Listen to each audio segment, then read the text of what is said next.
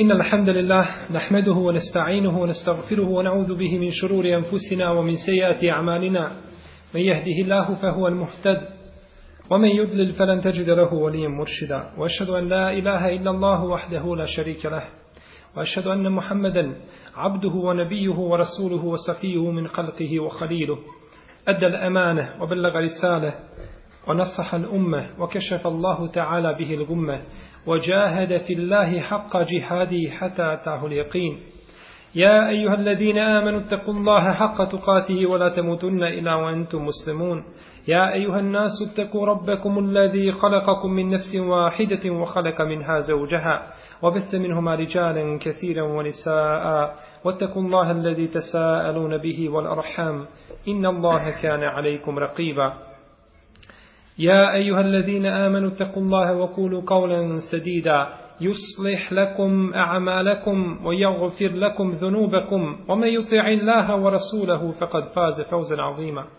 أما بعد فإن أحسن الكلام كلام الله وخل الهدي هدي محمد صلى الله عليه وسلم وشر الأمور محدثاتها وكل محدثة بدعة وكل بدعة ضلالة وكل ضلالة في النار Mi ćemo se, za te u ta'ala pomoć, iz opravdanih razloga vratiti na hadis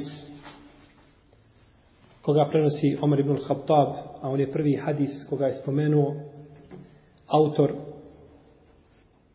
pa ćemo još neke propise o kojima smo nešto prethodno govorili još jedan put ponoviti.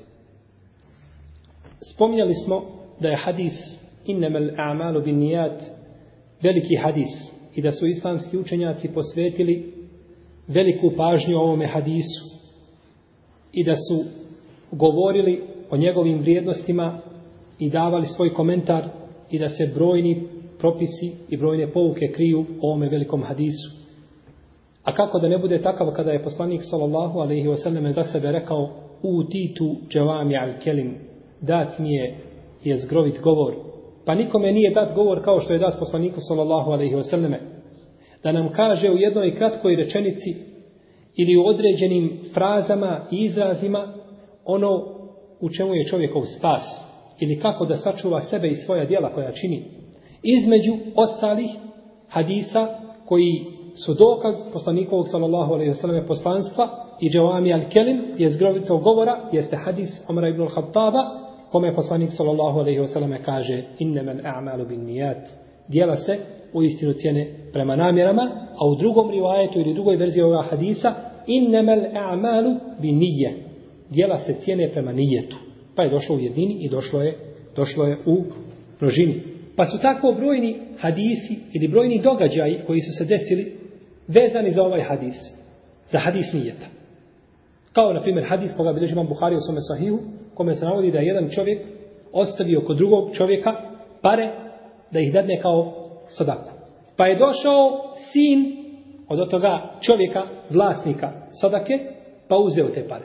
Pa je došao njegov babo sa njim pred poslanikom, pred poslanika sallallahu žaleći se na njegov postupak. Pa je kazao Allahu poslanik sallallahu alejhi ve tebi pripada što si nanijetio, a njemu pripada šta je uzeo. Pa je ovaj hadis i ovaj događaj je vezan za malo amalu binijat. I tako brojni događaji koji se desili imaju znači uske veze sa ovim hadisom. I što je rekao imam šafija da ulazi u brojna poglavlja fikha i da čovjek u istinu što god hoće da učini od hajra ili od dobra mora se vratiti na ovaj hadis. Mi smo govorili da je nijet šart ili uvjet za ispravnost ibadeta. No međutim, Ovdje se postavlja jedno drugo pitanje, sporedno, da li je taj nijet uvjet za ispravnost nečega što biva sredstvo ka ibadetu. Da li je uvjet za ispravnost on je osileta ili puteva ka ostvarenju ili praktikovanju nekog od ibadeta. Ako je ibadet kao ibadet ciljan sam po sebi, kao namaz, post, zekat, hađ, dobročinstvo, džihad, i slično tome, on je vade sam po sebi, onda treba nijet. Onda treba nijet. I ne može čovjek imati nagradu ako nema nijeta. No međutim, ako se radi o sredstvu, radi se nešto znači što nije ciljano samo po sebi. Nije ciljano samo po sebi. Kao na primjer da čovjek ode u džamiju da obavi dobrovoljni namaz. Taj odlazak u džamiju. Ili da čovjek pokrije svoje stidno mjesto u namazu. Je li to samo ciljano po sebi, pokrivanje stidnog mjesta? Nije, već je ciljan namaz. Ali je to uvjet za ispravnost namaza. E u redu, taj uvjet, to pokrivanje stidnog mjesta, da li za njega treba nijet?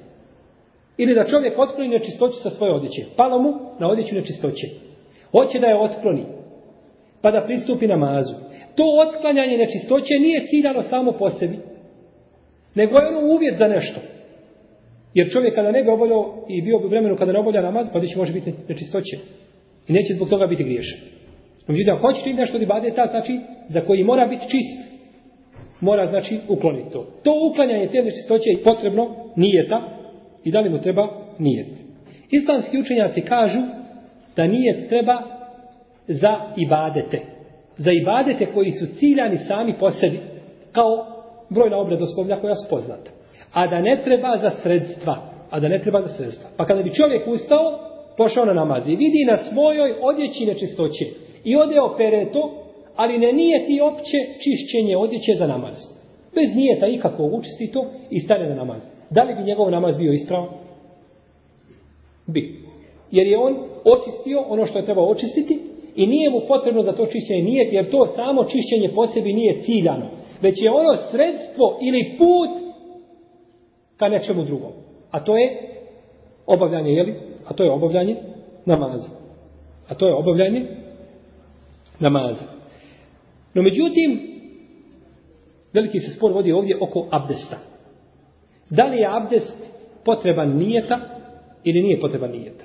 Abdest sa kojim se želi, želi znači obaviti nešto od ibadeta. Pa smo spominjali na islamskih učenjaka i kazali smo da većina islamskih pravnika, osim hanefijske, pravne škole i neki drugi učenjaka, manjine kažu da je to uvjet za ispravnost abdesta i samim tim uvjet za ispravnost namaza. Dobro, da li je abdest put, sredstvo ili je abdest ciljan sam po sebi? Šta je? radiš se. Tako se u nama Mi kažemo abdest je jedno i drugo. Abdest je i sredstvo, ali abdest šta i? Ciljan sam po sebi. Zar abdest nije sredstvo? Jeste sredstvo, ne može bez njega obaviti namaz. A je li ciljan sam po sebi? Jeste. Šta nam je dokaz za to? Čistoća u redu. Nešto drugo što se spominjamo. To je uslov. Nema namaza bez abdesta. To je uslov za namaz. Ali šta ima nama što ukazuje da je abdest ciljan sam po sebi kao i badet? Hadisi koji govore da onaj ko uzme abdest da mu se opraštaju grijesi. Je tako? smo govorili da imaju hadisi bezbroj, had, bezbroj jeli, pod navodnim znacima, ima puno hadisa koji govori o tome da čovjek kada uzme abdest propisno i tako dalje, onda da mu Allah oprašta njegove grijehe. Pa kada sapere lice, da mu sa lica spadaju kao kapi vode koje padaju sa brade, njegove padaju grijeci. Čak ispod noktiju, u nekim predama ispod noktiju da izlaze grijesi. Usta kada izapere, iz usta i nosa izlaze grijesi. A u ustu se nalazi najopasniji aparat. Je tako? U ustima. Jezik koji najviše grijeha pravi. Pa kada čovjek izapere usta svoja padaju. Pa dobro, je onda abdest ciljan sam po sebi nije ciljan? Jeste ciljan, jer je on sam po sebi ibadet, jer ne može čovjek ove grijehe skidati i ne može ih uništavati i brisati ništa drugo do ibadet. Do ibadet. I naravno, jel te obajte? I te oba je sama po sebi, jel? Ibadet Allahu te barake u Pa se ovdje, znači, desilo razilazenje među islamskim učinjacima i većina, kaže pravnika, da je Abdes ciljan sam po da je on ibadet sam za sebe i da treba, i da treba nijeta, im to ukazuju hadisi koje smo pominjali.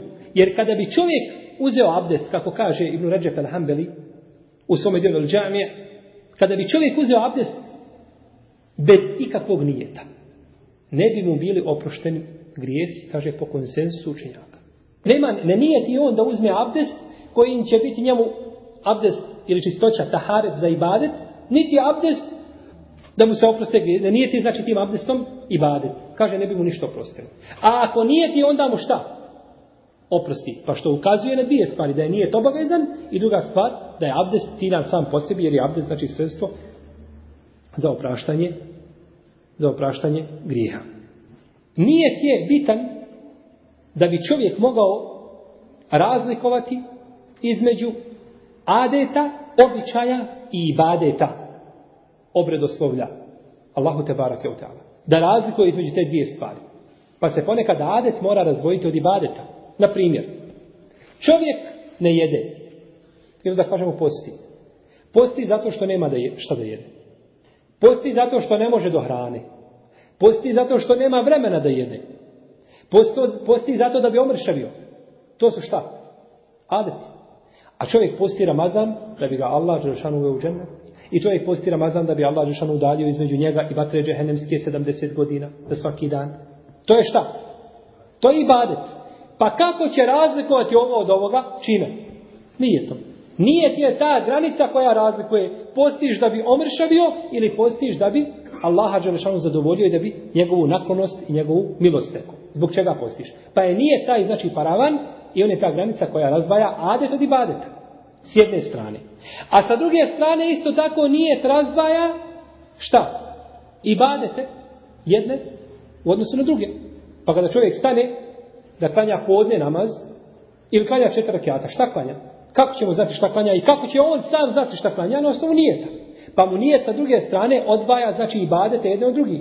Jer znamo da čovjek u podnevskom vremenu kad bi nijetio i kindiju, njegov namaz bio neispravan i ne bi bio priznat.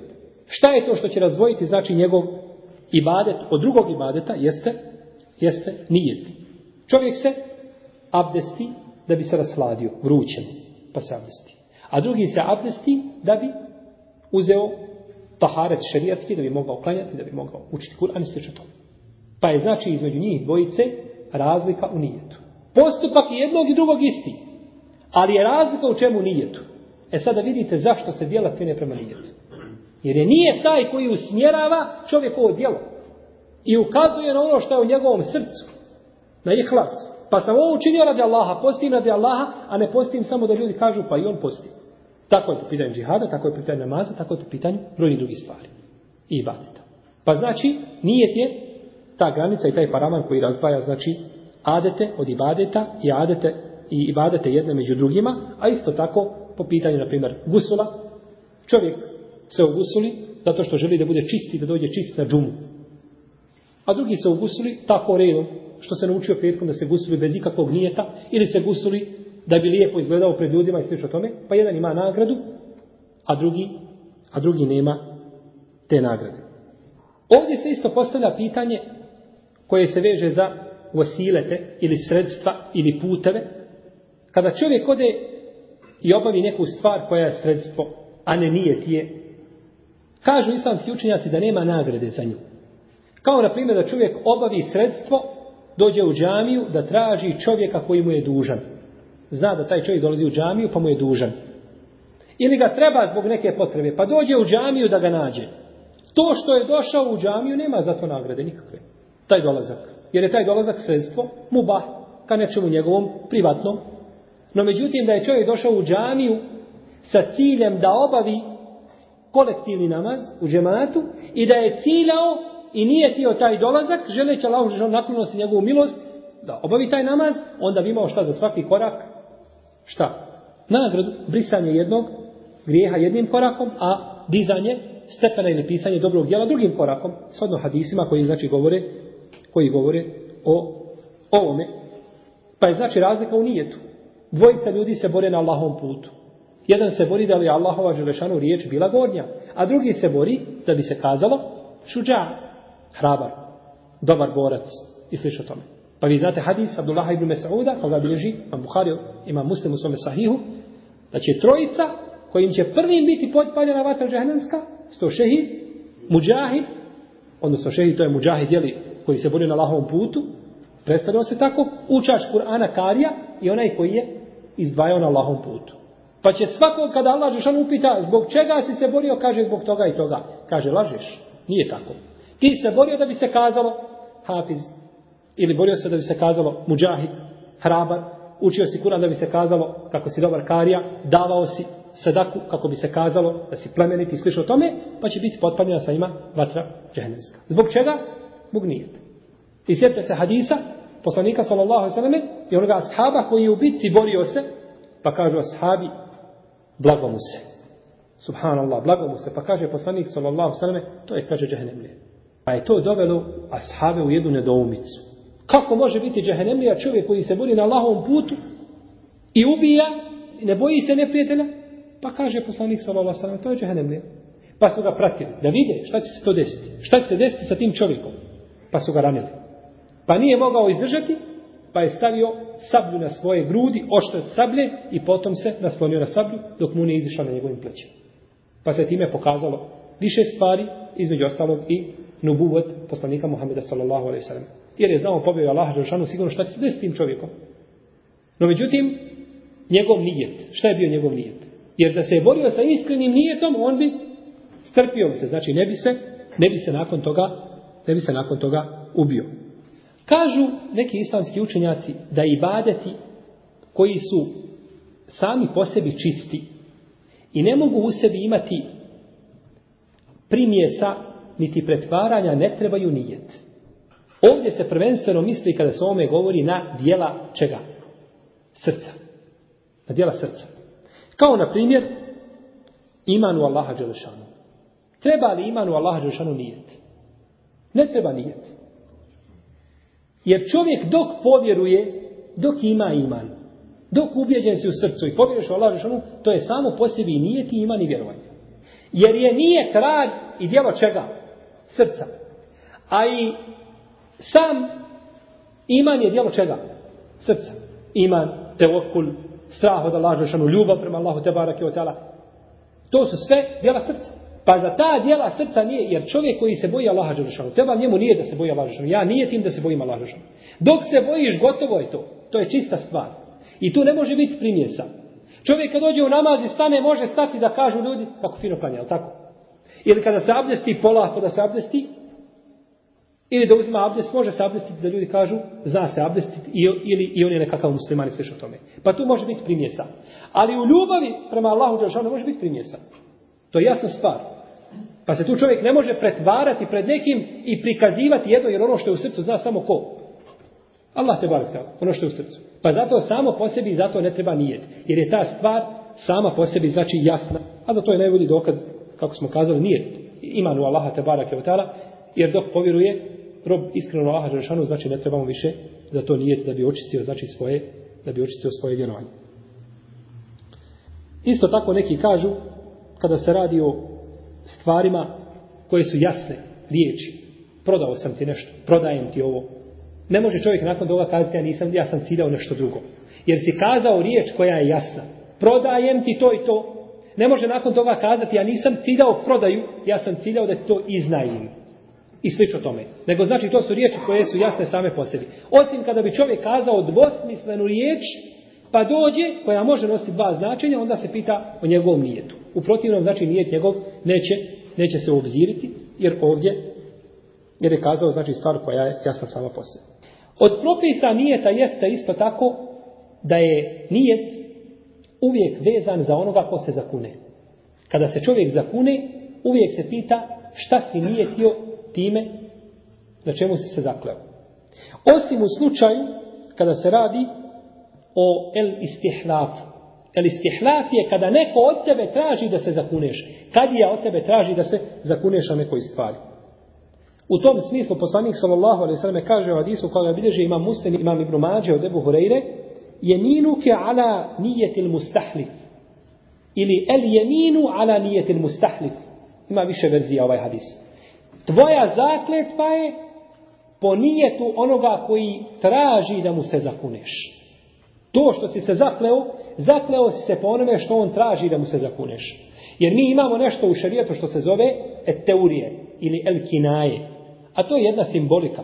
Da se čovjek zakune na jednu stvar, a cilja drugu. I to je dozvoljeno u određenim slučajima. Dozvoljeno je, kako kaže vam Neovi, kada se ne uzima hak i pravo drugog čovjeka. Na primjer, čovjek zadužio čovjeka da mu prenese nekakav imanet. I ovaj ga pita, jesi li uradio mi to i to? Kaže, jesam, a cilja nešto drugo.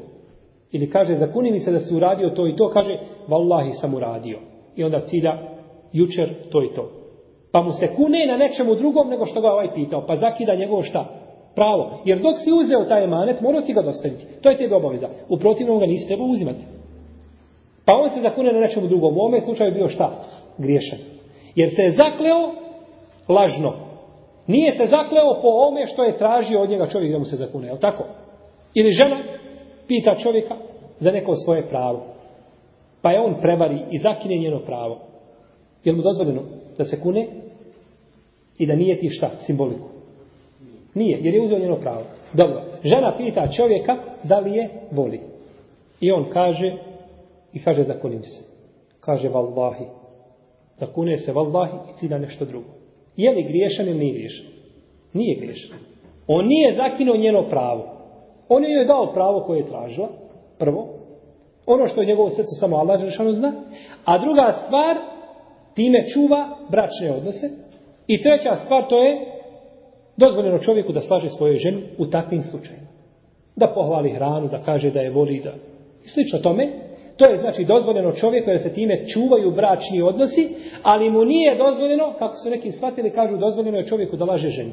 I dozvoljeno je obratno. I onda bračna veza građena na laži. To je zabranjeno. To su iznimni slučajevi kada je dozvoljeno čovjeku, kada ne uzima pravo, nego kada pojačavaš zašto je dozvoljeno da slažeš, ili zašto je dozvoljeno muslimanu da slaže jednom čovjeku kako ga drugi hvali, kako ga poštuje, kako ga voli, a ovaj o njemu govori sve najbolje, da bi ih pomirio.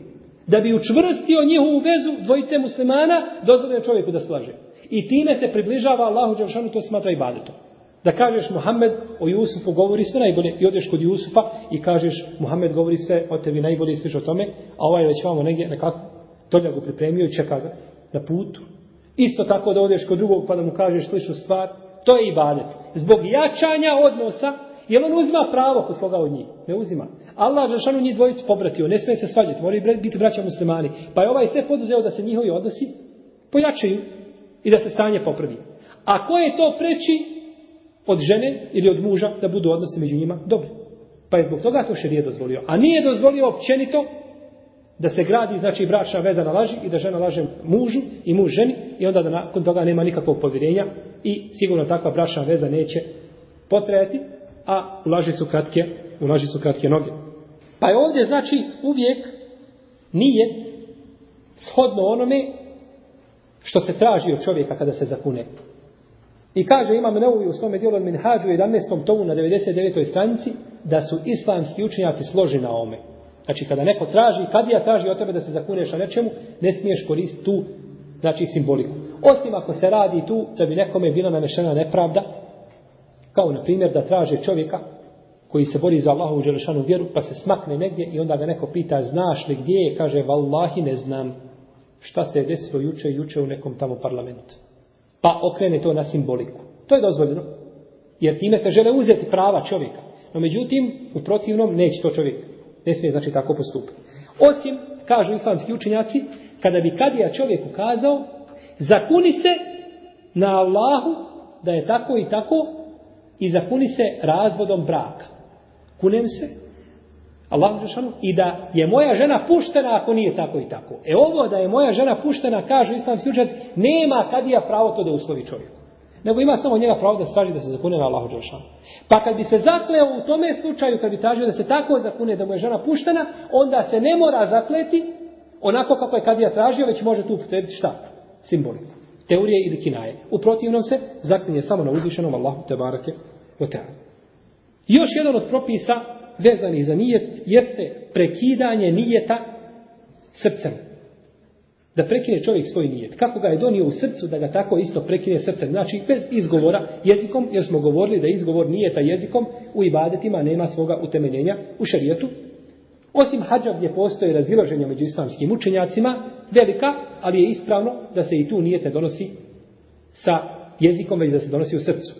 No međutim, općenito i ibadetima, kako kažu islamski učenjaci, nema znači izgovora nijeta sa jezikom, niti to praktikovao neko od islamskih učenjaka prvih generacija.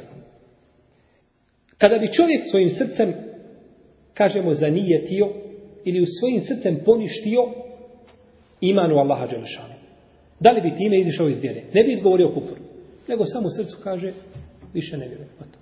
Bi li izišao iz vjere? Bi. Jer je iman vjerovanje, prvo iman počinje sa srcem.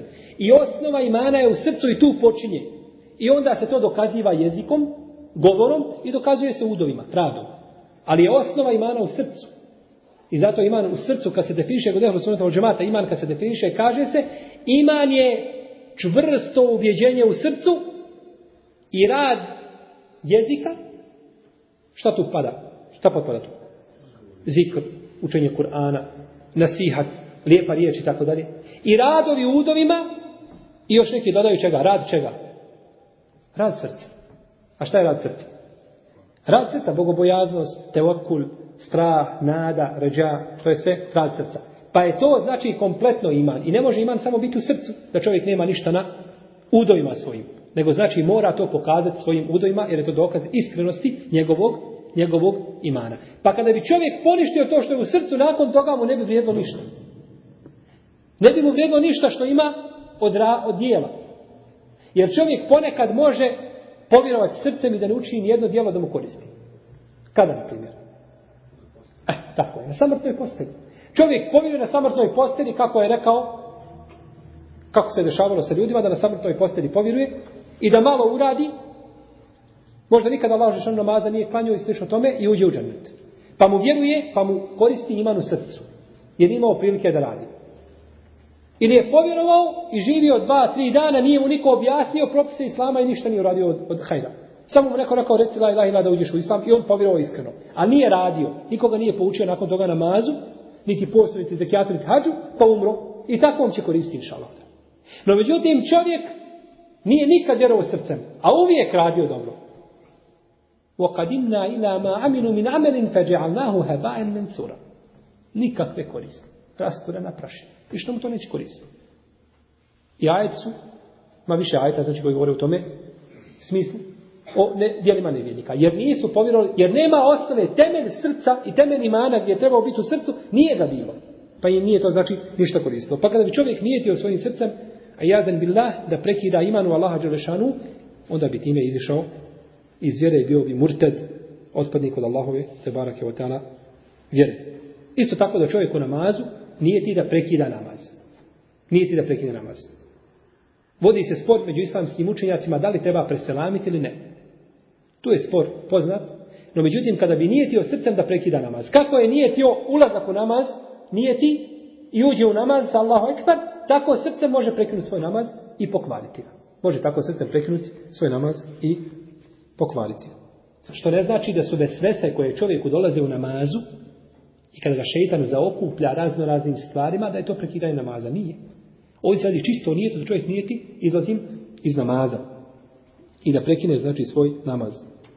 Ovo je sve vezano, o čemu smo pričali, za ibadete i obuhvata sve ibadete osim hađa. Prekidanje dijela ili nijeta srcem obuhvata sve osim hađa. Kažu islamski učenjaci da ovo ne vrijedi za hađ, zbog specifičnosti toga ibadeta, njegove prirode, pa će čovjek, iako mu šeitan dođe, pa da srcem odluči da prekine taj ibadet, upotpunit će ga, jer mu tako uzvišen je Allah te barek tala naređuje.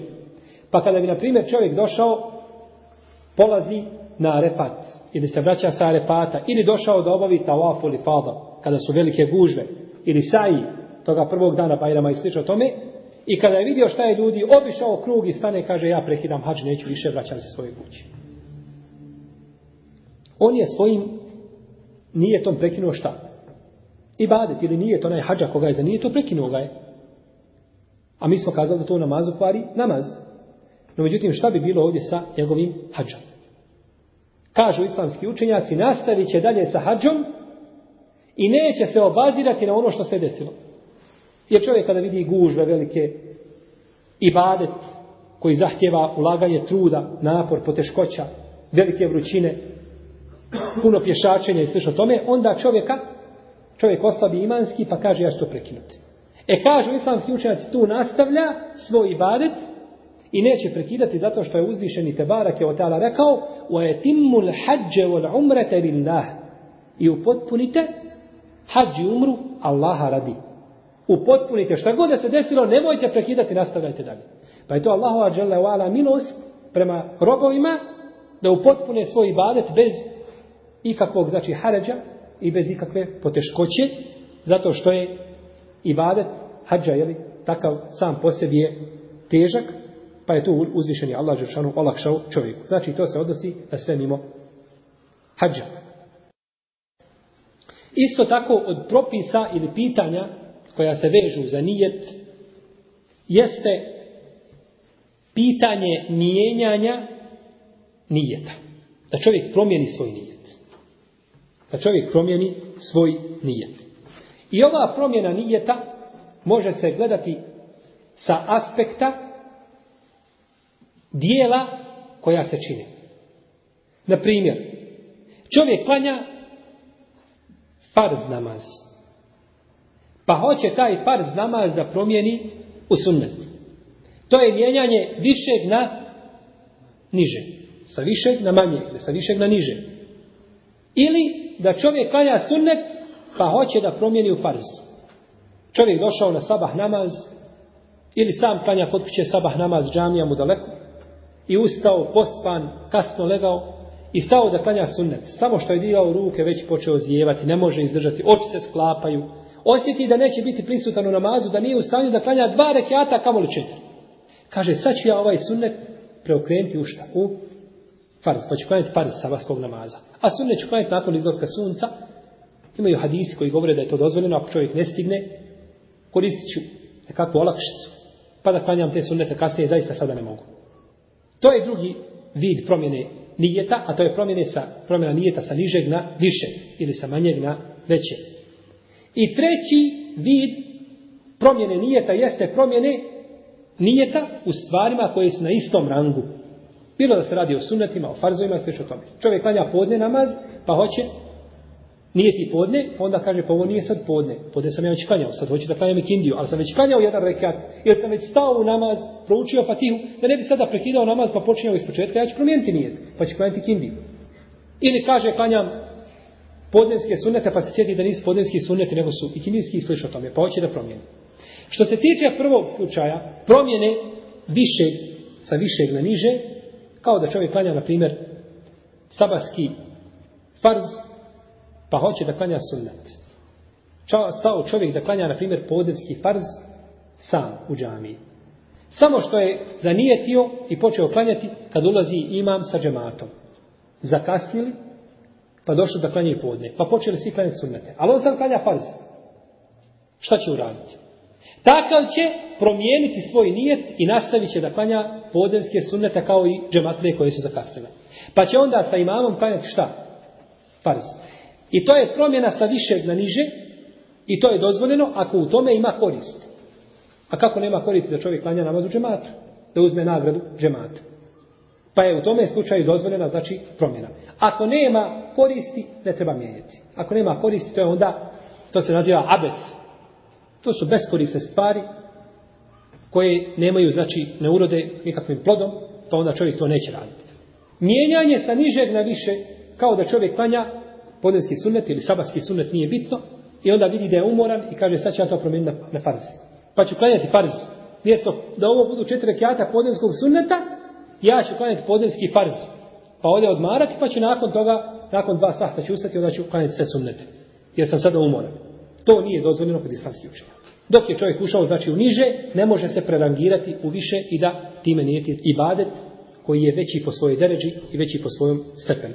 I treća stvar je kada se radi o istim stvarima, ako se radi o farzu nije dozvoljeno, da čovjek, na primjer, podenski farz, da čovjek podenski farz preokrene u ikindijski farz i reakšanski i akcijski sliš o tome.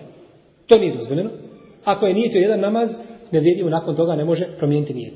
A ako je nijetio sunnete, pa mjesto da klanja sunnete, treba je klanjati kindijske, pa hoće da promijeni, tu se navodi veliki spor među islamskim učenjacima, jedni dozvoljavaju, drugi brane takav postupak. Ovo je samo znači da spomenemo mišljenja kod promjene nijeta, a samo prioritetnije mišljenje zahtjeva poseban rad poseban pregled argumenata islamskih učenjaka koji su iznosili.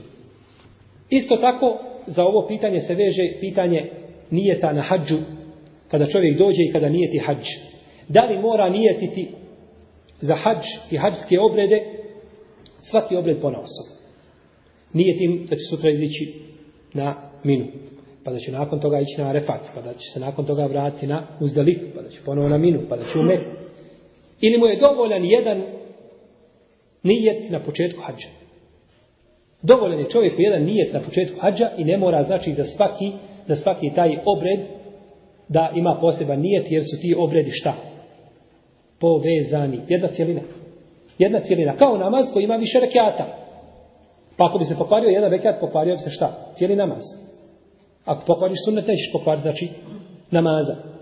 I neće biti namaz pokvaren. Isto tako je hađa, Ako pokvariš rukn, jedan od ruknova, ne bi stajao na arefatu, ne vrijedi. Ne bi obavio tafoli fada, ne vrijedi. Ne bi obavio saji, ne vrijedi. I slično tome. A ako čovjek ostaje nešto od dva može to iskupiti čime? Kurbanom. A ako ostaje nešto sunneta, ne zaslužuje, znači ukor, izgubio je samo nagradu. Jer je hađ jedan i ibadet. No međutim, da li je takav slučaj sa postom? Nije. Jednoglasno. Postoji spor. Islamski učenjaci spore. Ispravno je mišljenje Allah da je slučaj sa postom drugačiji. Da je svaki dan poseban ibadet. No međutim, neki učenjaci kažu, dolaze sa šubhom, kažu, post je, kažu, ibadet kada nema vremena i nema prilike da čovjek u njemu, misli se na Ramazan, da u njemu čovjek posti nešto drugo. Možeš li ti u Ramazanu postiti na filu? Može. Ne može. Ramazan je određen. Pa zbog čega onda ti moraš nijeti svaki dan posebno? To je jedan ibadet. Ne možeš ti doći tu nečim drugim pa da razlikuješ dan od dana. To je jedan ibadet. Nije ti ga na početku i kaže bismillah i isposti cijeli mjesec. S ove strane ovo je ispravno. No, međutim, s druge strane, ako gledamo s drugog aspekta i kažemo što su kazali drugi islamski učenjaci, ako bi jedan dan posta bio pokvaren, da li bi bio pokvaren cijeli Ramazan? To nije kazao nikod od islamskih Da bi se pokvario cijeli Ramazan. A ako bismo to kazali na ovaj način pa spojili te dane, onda bismo morali izaći takvim rezultatom ili sličnim njemu. Pa ispravno znači da čovjek nije ti za svaki dan svoj post i na to, na to ukazuje hadis poslanika sallallahu alejhi ko ne ti post prije je li nastupa zore, a u drugoj predaji ko od noći ne ti post da je njegov da nema posta. Postoji spor da li su ovo riječi Umu Seleme ili su riječi poslanika sallallahu alejhi u svakom slučaju većina islamskih pravnika smatra ovako da treba znači čovjek da nijeti da treba čovjek da nijeti za svaki dan da se vratimo još malo na abdest čovjek uzme abdest sa nijetom da se rasvadi i sa nijetom da klanja namaz ili se čovjek istušira sa nijetom da ode na džum i sa nijetom da se rasvadi i sa nijetom da klanja namaz. Je li mu iz takav ihtisal, takav gusur ili takav abdest? Jeste. Dozvoljeno mu je znači da... Dobro. Zar ovo nije miješanje kada bi čovjek klanjao namaz i klanjao da ga ljudi vide i klanjao Allahu Đelšanu zajedno? Bi to bilo ispravno? Ne bi. To je rija. Jer ti si činiš taj ibadet Allahu još nekome. To ne može tako. Ili Allahu ili nekome drugom. Nema popola. Ali zar ovdje nije čovjek učinio nešto drugo? Zar ovdje čovjek nije neki drugi cilj stavio sa ovim ibadetom? Ko će ovo pojasniti? Jer si ovdje nešto drugo uradio. Nisi samo radi Allah žanu abdestio se da kajaš namaz, nego radi rasklađivanja što ti je vruće. Zbog čega se ovdje dozvolio da uđe još nešto pored toga, a vamo nisi dozvolio namazu. Ne mora biti da te ljudi gledaju. U namazu čovjek radi da bi se samo razgibavao. Da bi se razgibavao, ništa drugo. To nije ispravno. Zbog čega dozvolimo kod jedne stvari da se nešto e, još uradi uz ibadet, a kod druge zabranimo, ne dozvolimo. Ali ovdje ima jedna druga stvar, to je braćo, što je namaz i ibadet u kome kada bi ti nešto drugo činio, mimo toga da ga činiš Allah Žešanu, to se kosi sa ciljem namaza i ciljevima šarijata I to se kosi sa samim namazom. Jer je namaz samo Allah Žešanu. Međutim, ima li kada ti uzmeš abdest i hoćeš da se rasladiš, i da uzmeš abdest za namaz. Ima li tu nešto što se kosi sa šerijatom? Nema. Hoće tebi dozvoljeno, tebi je džaj da se rasladiš uvijek. Ali ti nije dozvoljeno tamo da činiš nešto što je rija ili što je pretvaranje ili da okrećeš nešto na stvar zbog koje nije postavljena. Kao namaz koji je radi Allaha Đelešanu, da čovjeku poveća čovjekov iman, njegovu takvu da poveća i o tome, pa ti uz to pripišeš nešto drugo i činiš nešto drugo, hoćeš time neki drugi cilj. To nije zbog toga. Ali je li je li znači u, u ili u abdestu ima nešto što se kosi sa samim ibadetom?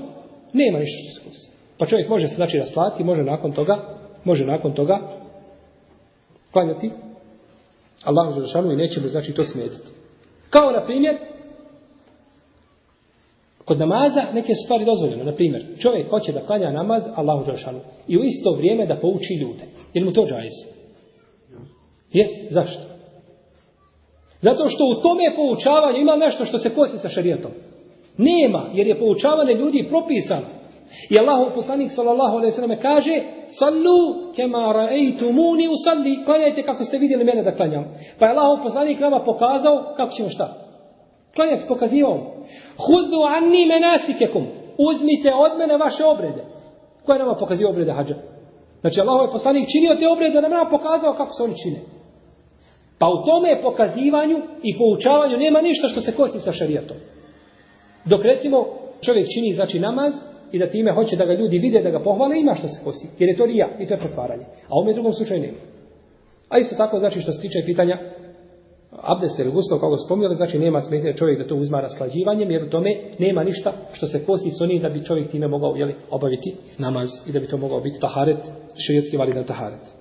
Isto tako od propisa vezani za nijet jeste to da čovjek neće biti pitan za nijet koga donosi uzrečicom ili zakletva, vezano je znači za zakletvu, da čovjek uvijek kaže vallahi, vallahi je tako, vallahi je tako, uzrečicama. Svaka druga riječ vallahi.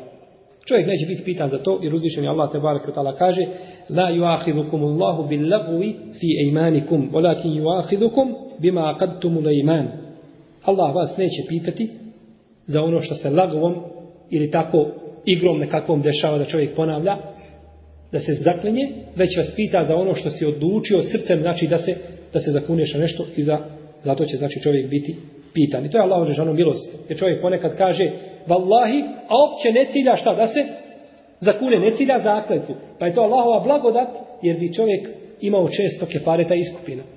Nego kaže čovjek, vallahi, vallahi, vallahi neću tako, ne mogu.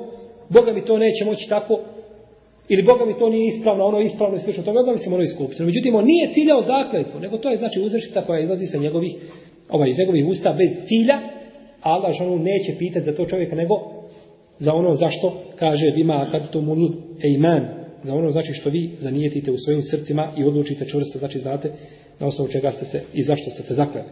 Čovjek kaže svojoj ženi, ti si puštena ako iziđeš iz kuće.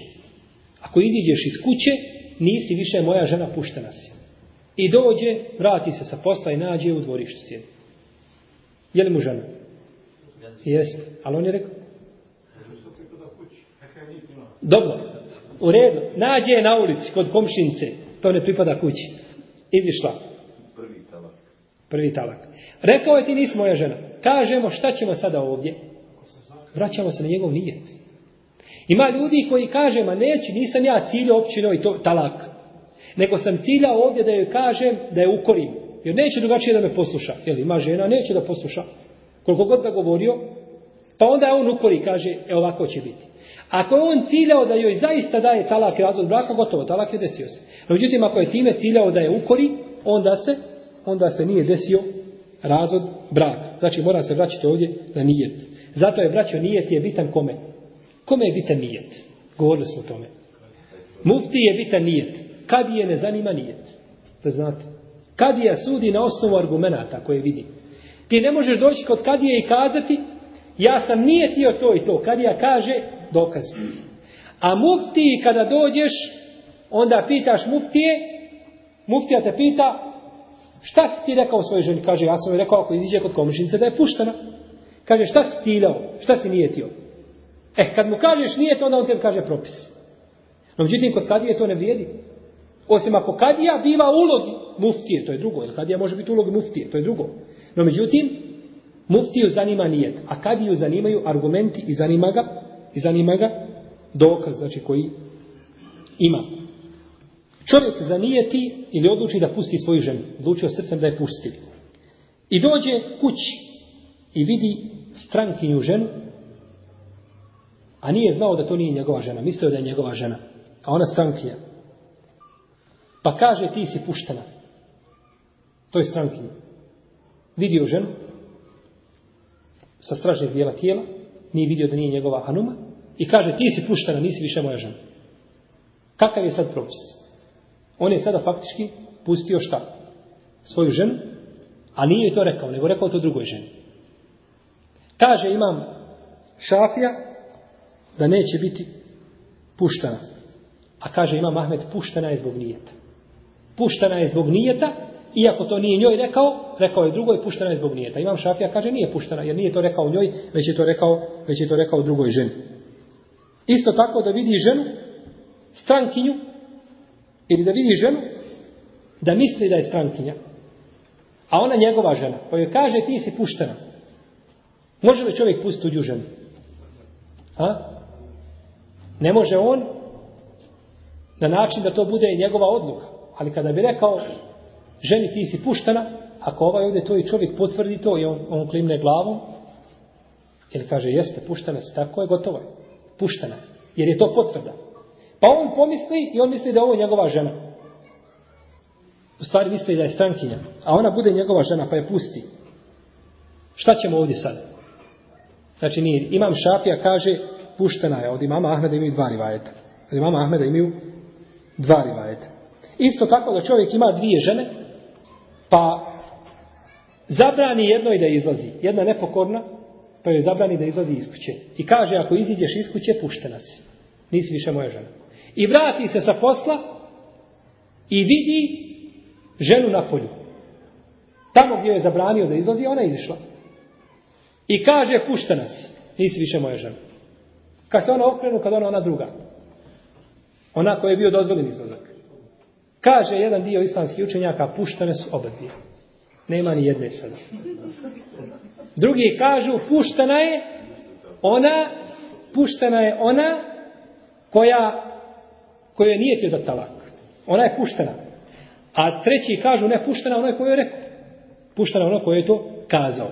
Puštena je onaj koju je to koju je kazao, jeli, znači taj talak. U svakom slučaju, islamski se znači spore ovdje, ovim želimo samo ukazati, želimo ulaziti u ova pitanja sama po sebi i o njima razglabati, jer to su duge mesele, no međutim samo želimo kazati koliko pitanje nije ta čovjeka igra ulogu u njegovom svakodnevnom životu, počevši od njegovih ibadeta, počevši od njegove porodice i nadalje kroz život uvijek nije tima Znači sam po sebi nijet ima veliku ulogu. A da ne govorimo o onome da znači, čovjek ima nagradu za ono što je nijetio i slično o tome o hadisima kojima smo prethodno spominjali u prethodnim predavanjima kada smo govorili znači o hadisu Omara ibn Khattaba.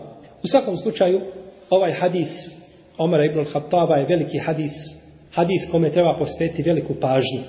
I danas je jedna stvar na koju treba upozoriti, koja je prisutna među mnogim muslimanima, da vole hadise, čudne hadise. Vole da slušaju hadise koje nikada nisu čuli. Hadis nešto u sebi krije čudno. I jedva čekaju da čuju takve hadise. I čujete kada se pojavi takav hadis, zna se od istoka do zapada. Svako zna taj hadis. Spomenite hadis koji je čudan po svome kontekstu, vidjet ćete kako ljudi svi zapamte. Spomenimo hadis na amalu binijat i ovakav hadis koji u sebi krije more ne ne možeš ni zaista. Ljudi ga ne pamte i ne znaju o tome hadisu puno. A imam Sufjane Seuri je govorio kako bilježi imam el Herovi u svome dijelu Zemul Kelam kaže pazite i čuvajte dobro i učite hadise koji su poznati među ljudima. A kaže dobro se čuvajte onih čudnih hadisa. islamski učenjaci nisu voljeli prenositi čudne hadise i strane hadise. Nego su voljeli govoriti o ovakvim hadisima. O 40 neovih hadisa. Za koje su mnogi ljudi čuli. Pa su voljeli znači govoriti o hadisima koji su sakupili brojne propise i kojima se kriju jeli, brojni hikmeti za muslimana u njegovom svakodnevnom životu, a između ostali jeste i ovaj hadis Omra ibn Khattaba, kome muslimani sigurno trebaju posvetiti veću pažnju. Najveći argument za to jeste što imam Buharija, rahimehullahu ta'ala, stavio ovaj hadis kao prvi hadis u svome sahiju. Zbog čega je baš njega izabrao da ga stavi kao prvi hadis, o tome smo govorili u našem prvom predavanju, moleći uzvišenog Allaha te barake o teala nas pouči našoj vjeri, da učisti naše nijete i da učisti i da učini te nijete samo zbog njega aze ođel, da primi naša djela koja činimo, spomogne u borbi protiv naših neprijatelja i da nam najbudim naših djela učini zadnja. Allahu Teala alem. Wa sallallahu ala nabina Muhammed wa ala alihi wa sahbihi ajma'in. Wa jazakumullahu khair. Ovdje u jednom pitanju stoji Esselamu alaikum. Alaikum assalamu rahmatullahi Slušao sam na jednom dersu da čovjek koji uradi 700 grijeha za jedan dan da je propao. Uistinu je propao. Ko uspije uraditi 700 grijeha u jednom danu, taj je u istinu propao. I slušao sam na istom dersu da je Allah neograničeno milostiv. Kako to? Prvo 700 grijeha uradi u jednom danu, to je zaista stručnjak pravi za griješenje. To je kronični griješnik. No međutim, pored toga, Allah je zaista milostiv. Pa koliko god čovjek da griješi, Allah može to oprostiti. No međutim, to ima svoje uvjete i to sve ima svoje šartove. Kako i šta, znači da dođe sa te teobom Allahu ne da se igra sa Allahom te barake o Pa da čini grije namjerno, kaže pa ja se pokajati Allah Pa namjerno pa ja ću se pokajati. Nego grije biva kada šeitan prevari čovjeka, a ne znači da čovjek namjerno griješi, to je igra sa Allahom bojati se za ružnu konačnicu takvog čovjeka. A što se tiče Allahovog oprosta, neka niko ne igra se i neka ne razmišlja da Allah što nešto neće oprostiti. Jer vi znate hadis o kome onaj čovjek griješio, a njegov ga brat savjetovao, pa griješio, pa ga ovaj savjetovao, pa kaže, ma neće ti više Allah oprostiti, Allah neće više oprostiti. Pa je rekao, ko si ti, kaže, da kontrolišeš ili da sudiš mojim rahmetom. Kaže, njemu sam oprostio, tvoja sam djela poništio. Nema grijeha koga uzvišeni Allah te barek tala ne može oprostiti. I kazati da uzvišeni Allah neće nešto oprostiti ili da ne može, da ne može, to je kufur. A da neće, to je opasna stvar. I to može biti kufur. Jer čovjek time, šta? Uzeo sve pravo božanstva, da on odlučuje hoće li Allah nešto ili neće. Nemaš ti pravo tome. Allah Želešanu oprašta šta hoće i kako hoće i kome hoće. Ako će oprostiti čovjek širki kufr, nakon toga će oprostiti sve. E, to je milost našeg gospodara Tebara Keoteala, neograničena milost. Neograničena milost i koliko god čovjek djela da počini, ako se iskreno pokaja Allahu Đelešanu, to će mu njegov gospodar te barak je otala oprostiti i ne treba gubiti nadu Allahovu milost. Ko su sekta ah- Ahmedije, njihova akida? Allah te nagradi unaprijed. Ahmedije, to su ljudi koji su po konsensusu ehlu sunata od džemata kafiri. Izišli iz dina, iz vjere. Nisu muslimani, nevjernici. Jer otvoreno govore protiv Islama i otvoreno potiru akaid muslimana sa svojim stopalima. Allah ih ponizio na dujalku i na ahiretu. Oni kažu da Muhammed s.a.v. nije zadnji poslanik. To je dovoljno. Nakon toga nama ne treba ništa, ne trebamo raz. Ko kaže da je poslanik nakon Muhammeda sallallahu alaihi ne znamo šta da činio od hajde od dobra, tako ne može biti musliman. Ne može se smatrati nikakvim muslimanom da ne govorimo pored toga da oni imaju svoje knjige kojima se vraćaju, to su jednostavno engleski službenici i špijuni koji su dokinuli džihad i brojne druge stvari. U jednim se predajama kažu da će doći dan kada će oni doći u Medinu i skopaće psa. Misleći na Resulullaha sallallahu alaihi wa alaihi Pa kako se takvi ljudi mogu smatrati muslimanima? Oni su gori u svome nevjerstvu židova i kršćana.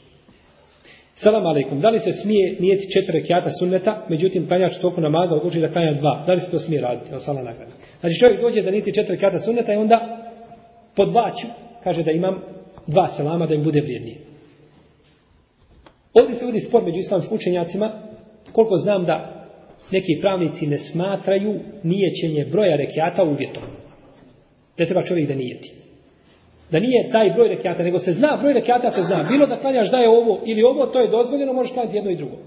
Pa tako čovjek na putu ne mora nije da klanja dva rekata podne namaza. Nije ti podne namaz, a podne namaz putnika je poznat. Tako da znači nema potrebe samo ovdje broj, broj ne ulazi, znači ne ulazi u nijet.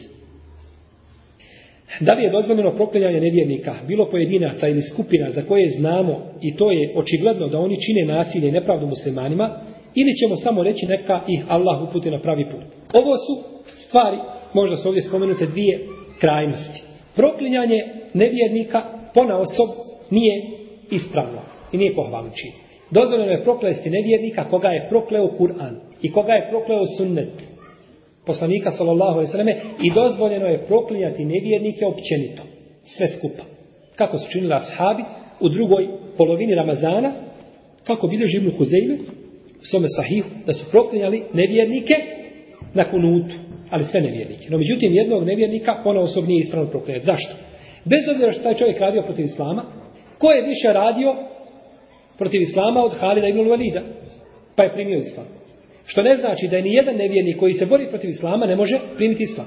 Neko smatra, ako kažemo, ne treba proklinjati nevjernika ponosom da to smatra, da to, da znači treba mu činiti dovu i treba njegovo ime uzdizati. Nije tako. Mi, imamo, mi ne sudimo po emocijama, mi imamo pravila i principe i temelje i ajete i hadise po kojima idemo i mišljenja islamskih učenjaka i moramo se toga držati. Pa ako nama neko čini nepravdu, ne možemo mi zbog toga činiti njemu nepravdu. Mi moramo biti pravedni.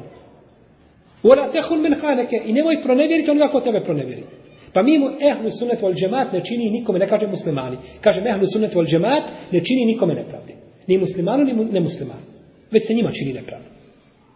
Kada mi prokunemo jednog nevjernika, postoji li mogućnost da taj nevjernik sutra primi islam? Postoji. Zbog čega smo ga proklinjali? A proklinjanje znači u šerijetu udaljavanje čovjeka od Allahove dušanu milosti rahmeta za uvijek. Zato je proklinjanje velika stvar.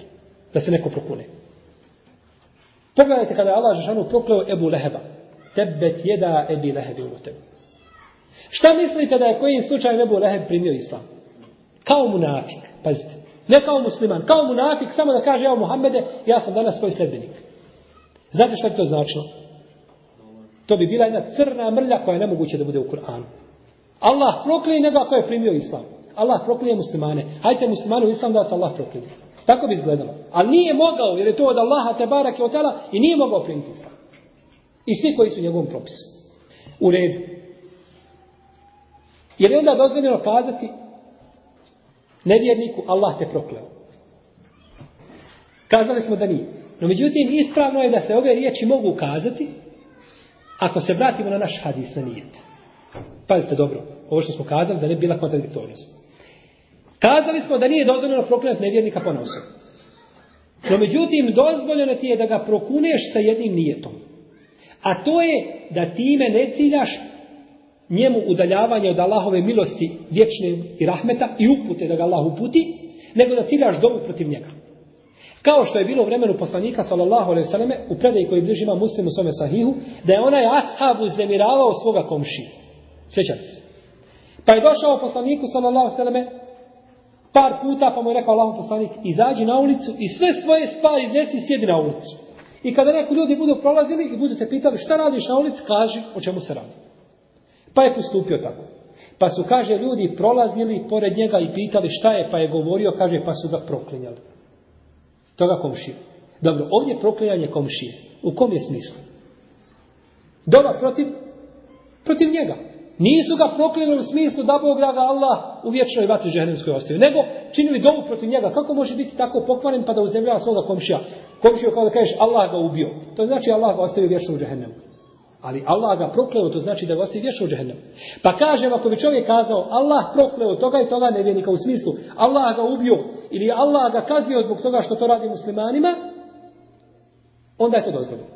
No međutim, da kaže samo Allah ga prokleo u smislu da mu Allah nikada da ne upute i da ga vječno u vatru džehennamsku baci, to nije, to nije ispravno, nego bolje čovjek onda da kaže njima od Allaha ono što zaslužili i slično tome, ili da dovi za uputu, a ne da čini, znači, nekome nepravdu u ovome smislu. U svakom slučaju sjećam se da je jedan naš profesor Basim Faisal al da ima doktorsku desertaciju na ovu temu i da je na uvodnom dijelu doktorske desertacije podrobno pojasnio ovo pitanje i bavio se ovom problematikom proklinjanje nevjernika ponosov, jer je govorio u toj svojoj doktorskoj desertaciji o hadisima koji govore o proklinjanju. Ili je naslov je desertacije prokleti u sunnetu poslanika sallallahu Koje su to ljudi koji je sunnet prokleti? pa je govorio opširno o ovoj temi. Allahu Teala alam. Sallallahu ala nabina Muhammed wa ala alihi wa sahbihi ajma'in.